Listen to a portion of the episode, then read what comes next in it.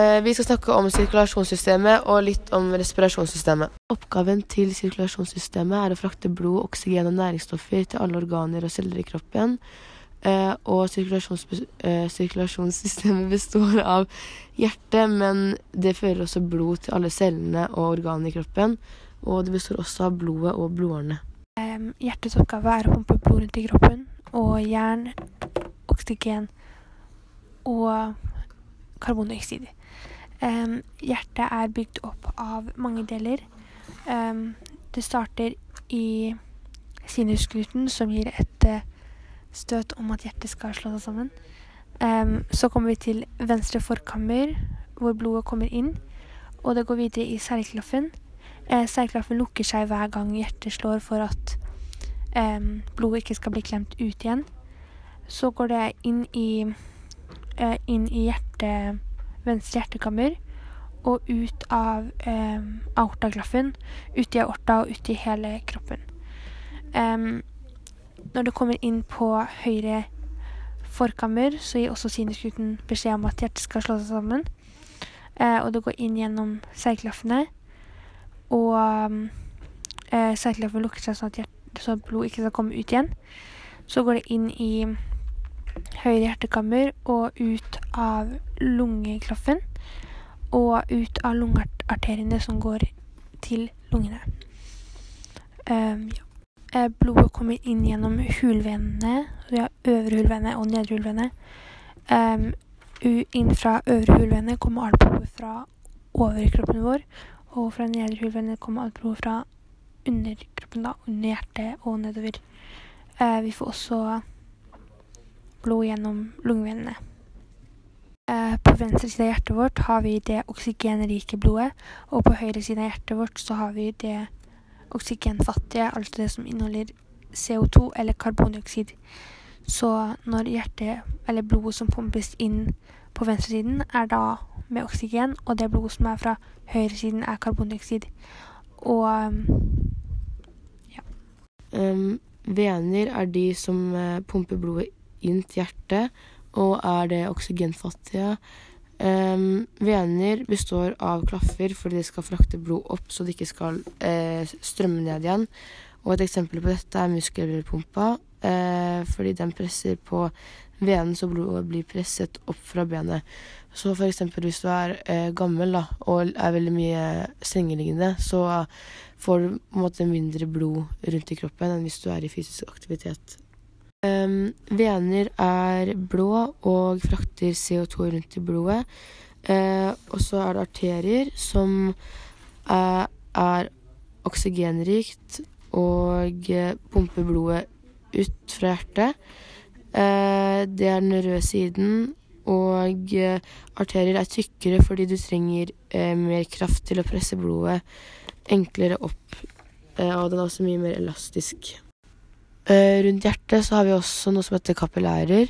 Eh, det er de minste blodårene, og eh, ja, de er rundt hjertet og lungene.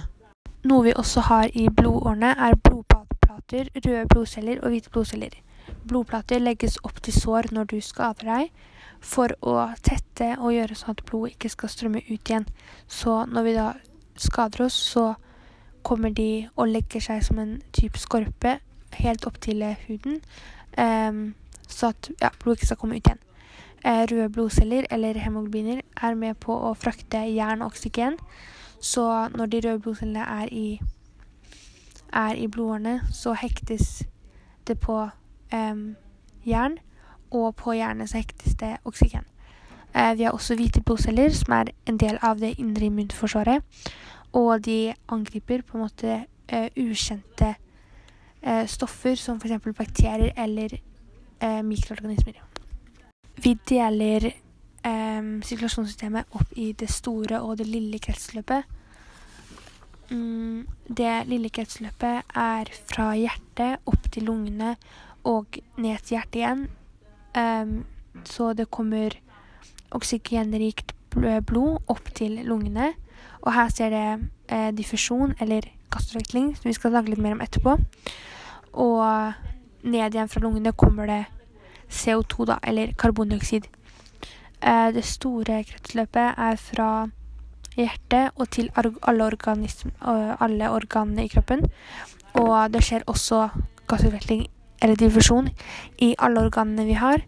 Og det kommer opp igjen eh, karbondioksid eller CO2 tilbake til hjertet. Og vi skal da snakke litt mer om gassutvikling og sånn senere. Eh, puls er antall slag i minuttet, eh, og normalpuls er 50-80. Men en person kan f.eks. også ha 80-90, for det varierer veldig fra person til person hvor høy puls du har. Eh, og måten du kan måle pulsen din på, er om du f.eks. tar to fingre eller en finger på håndleddet, halsen eller der hvor hovedpulsåret er, bak kneet, inni albuen, og man bør heller ikke bruke tommelen, fordi da kan du måle din egen puls. Eh, for vi har en puls i tommelen. Eh, og så er det hvis du ligger i ro, da, da har du hvilepuls, men med en gang du begynner å være i fysisk aktivitet, så vil eh, pulsen din øke, og um, Det er også flere livsstilssykdommer som vi kan få i kretsløpet eller i sirkulasjonssystemet. Et av de er tette blodårer med høyt kolesterol. Um, dette er en livsstilssykdom som har mye å si på hvordan du lever og på kostholdet ditt. F.eks. hvis du spiser mye fett, har lite mosjon, røyker og har overvekt, så kan dette skape høyt kolesterol. Eh, du kan også ha det om du er um, om du ikke er overvektig, fordi det har noe med inni årene dine og ikke hvordan du er utenpå. da. Um, dette kan gi hjertesykdommer, f.eks. hjertekrampe og hjerteinfarkt. Og kolesterol legger seg inni blodårene og kan tette dem. Og når blod ikke kommer igjennom, vil det bli mindre og mindre blod som strømmer gjennom årene. Og det blir da tettere og tettere, og man kan hovne opp og få vondt og ja. Um, det som gir uh, den typen kolesterol, det er LDL-kolesterolet, som er det dårlige kolesterolet vi har, og det kan øke faren. Uh, eh, HDL er det bra kolesterolet og er med på å bygge opp celler og fjerne det dårlige kolesterolet, da. Uh, hvordan vi kan forebygge å ha denne typen høy kolesterol, er bare å spise mindre mettet fett og være i mye fysisk aktivitet, eller litt fysisk aktivitet, og da ikke røyke. En annen livsstilssykdom eh, er blodpropp. Eh, det er en blodåre, eller det skjer da når en blodåre som er proppa full av blod, eh, gjør så blodet ikke kommer seg gjennom. Eh, området nedenfor denne blodproppen blir da fylt med blod og blodvann. Eh, som gjør at stedet hvor du på en måte får den proppen, hovner opp. da. Og Dette kalles også en blodåreforkalkning. Eh, dette er normalt rundt 50-årsalderen eh, pga. dårlig helse eller lite aktivitet, overvekt eller dårlig kosthold. Det er også hvis du har noe med kolesterol å gjøre, at du har mye av det dårlige eller Det du kan gjøre for å forebygge å få blodpropp, er at du Eh, trener, har et bra kosthold og holder unna mettet fett, og at du på en måte prøver å eh, ikke ha så høyt kolesterol og sånn, og da bør du heller spise mye av eh, LDL. Eh, respirasjon er det samme som eh, pust, og eh, når vi, vi, har innpust, som kalles for inspirasjon, og utpust, som kalles for ekspirasjon. og vi puster inn for å få oksygen i oss, og så puster vi ut for å liksom, få ut karbondioksid? Respirasjonssystemet starter i nesa, hvor vi puster inn eh, oksygenet. Det går videre i trekea, eller luftrøret, og ned til bronkiene. Bronkiene deles opp i mindre og mindre deler, og ytterst så er det bronkioler. Og på bronkiolene så har vi alveoler. Og det er i alveolene som gassutvekslingen skjer.